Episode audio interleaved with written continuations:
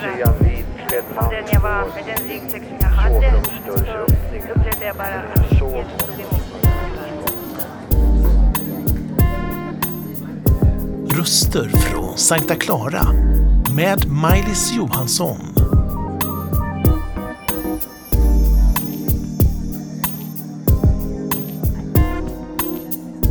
Välkommen till Sankta Clara kyrka. Idag ska vi intervjua Micke Johansson som är ordförande här i vår förening. Micke, berätta lite grann om din bakgrund först. Ja, min bakgrund är helt enkelt att jag är uppväxt eh, i en kristen miljö. Mina föräldrar var kristna bägge två och min pappa är präst. Eh, jag har aldrig varit medtvingad till kyrkan eller något sånt men jag har upplevt att det de sa och gjorde var, det stämde överens. Och, eh, och därför har det varit enkelt för mig på ett sätt att, eh, att gå vidare som kristen själv. Men det är naturligtvis så att jag precis som alla andra har tagit ett personligt val på hur jag vill ha mitt liv. Men, men eh, det har varit, jag har inte haft den här kampen med ett liv som har varit tidigare och ett liv som är nu utan, utan jag har nog känt att jag har vuxit in i, i, i det här det, det kristna sättet att vara och verka under hela livet. När det gäller att bli född på nytt så kan man väl säga att man vet när man föds. En barn vet ju och en mor vet ju när det har kommit till världen. Det är ett nyfött barn säger man. Vi brukar kalla någonting som heter född på nytt när det gäller kristna sammanhang. Och jag brukar säga, nog vet man när man blir född på nytt. Har du någon specifik upplevelse dock där du och Jesus möttes på ett speciellt sätt?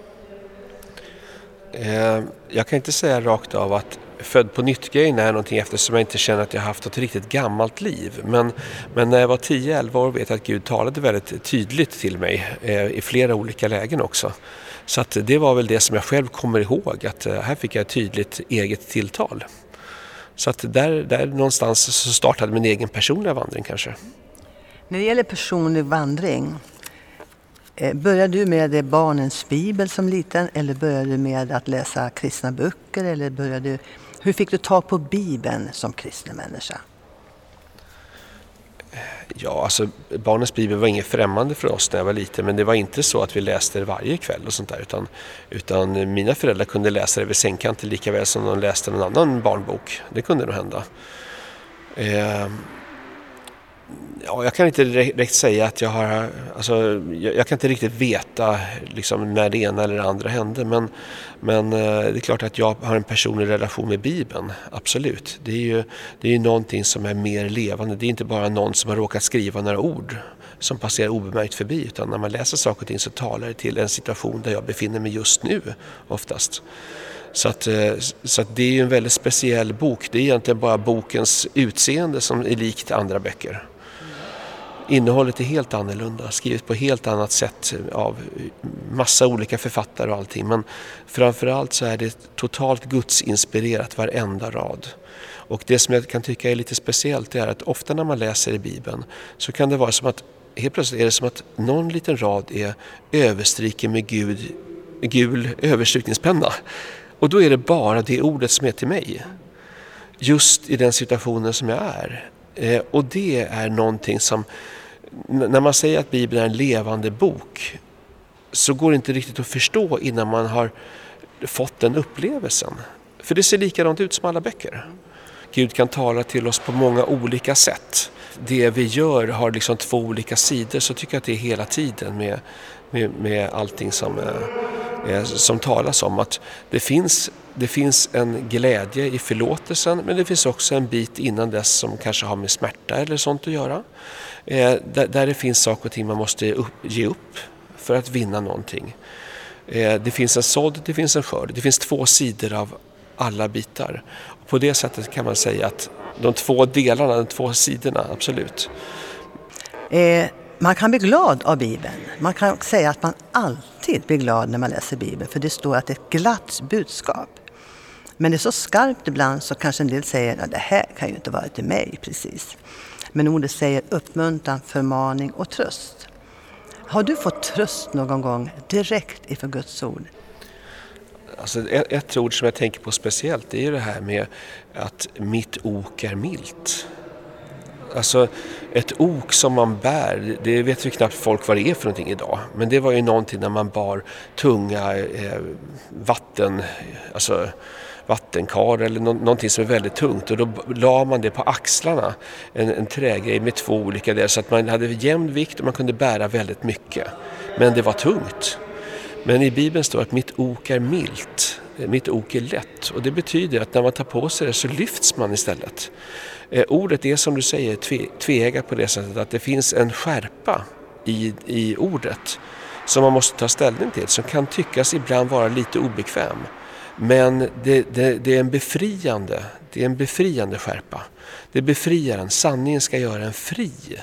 Eh, och det, det är några ord som kommer upp direkt. Eh, Jesus har vi som en ton i den här serien. Namnet som är över alla namn.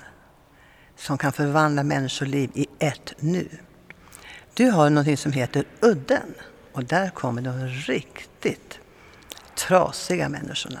Och du säger kom hit, ni är välkomna. Med eller utan brännvin eller knark i kroppen. Och de får komma in klockan sju på kvällen och lämna platsen klockan sju på morgonen. Vad berodde det på att du själv praktiserade att ligga i en trappuppgång för att få tag på hur känslan var? När du låg där i trappuppgången och tänkte så här har många tusentals människor, miljoner över hela vår värld, detta tillstånd att ligga ute år ut och år in. Vad var det som drev dig att helt plötsligt så tänker du, jag vill starta Udden. Berätta det. Jag hade jobbat lite grann med missbrukare och hemlösa eh, tidigare eh, och sen så några verksamheter som jag, som jag var ansvarig för lades ner när jag var pappaledig. När jag kom tillbaka var det ingenting att komma tillbaka till men jag kände att vi har kommit på någonting på spåren. Vi har gjort en verksamhet som har varit väldigt bra, där människor har mått bra under de förutsättningarna som är. Att man är totalt accepterad som man är, i vilka uttryck det än är, hur det än luktar, hur det än ser ut. Eh, och, eh, och därför var det på ett sätt ganska enkelt för mig att ta, ta vidare den tråden för jag visste att vi hade ett sätt att möta människor som, som liksom fungerade. Och det som jag kände då när vi startade upp det här för sju år sedan det var att, att om vi skapar ett hem, även om man bara bor en natt, så, så finns det chans för att folk ska må ganska bra. Och vi har alla personer, vi har 1500 olika individer som har bott hos oss under den här tiden. Och vi har personerna som, som går lite halvpsykotiska på tunnelbanan och tigger 40 kronor och, och sådär. De har vi, men de ser bara ut så i två, tre nätter. Sen när de har sovit längre så är de ganska normala. Och eh, folk värnar om sitt eget boende faktiskt. Eh, vi är öppet till åtta på morgonen och nio på helger så det är lite längre. Men, men det, det, stämmer att det inte är öppet på dagtid. Det är det inte. Men å andra sidan så påminner den rytmen som de har eh, i förhållande till många andra som är yrkesverksamma.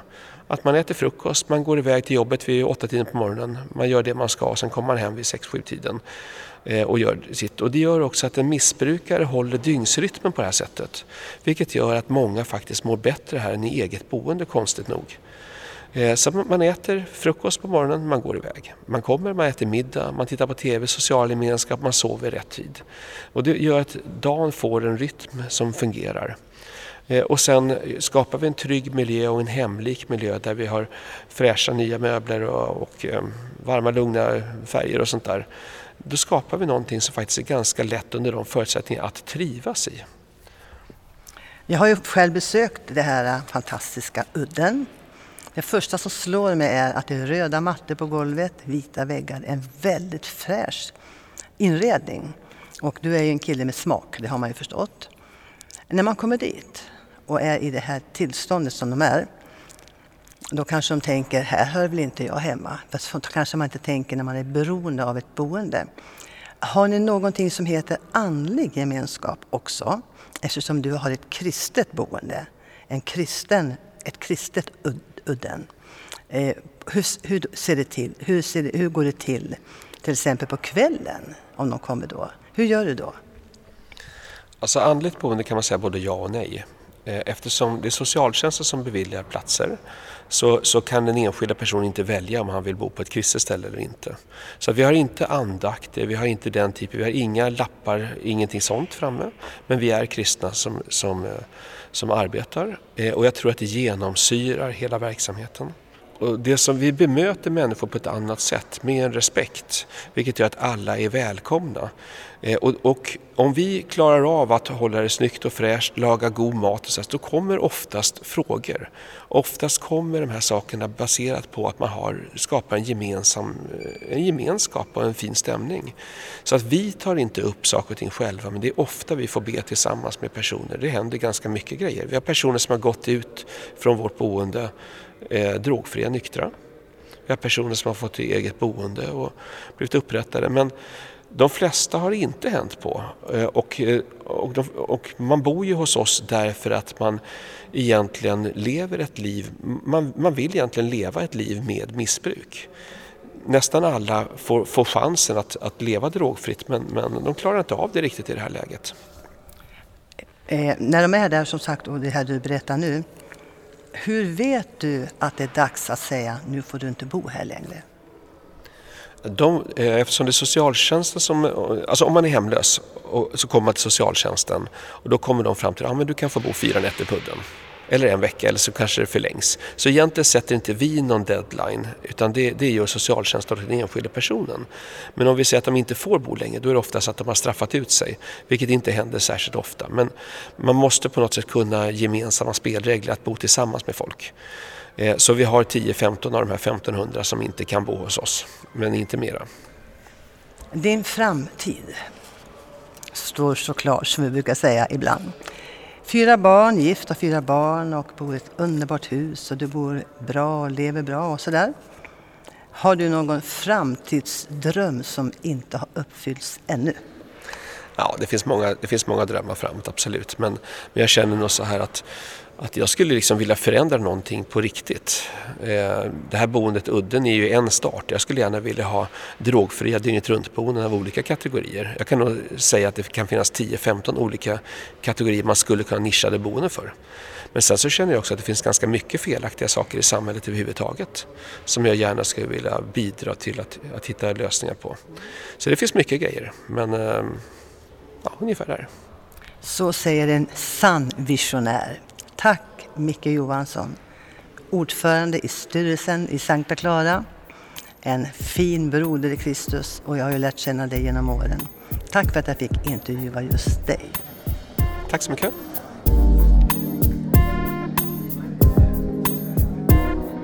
Har denna berättelse berört dig på något sätt?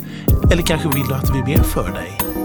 Kontakta oss på info snabel-a sverigeskristnaradio.se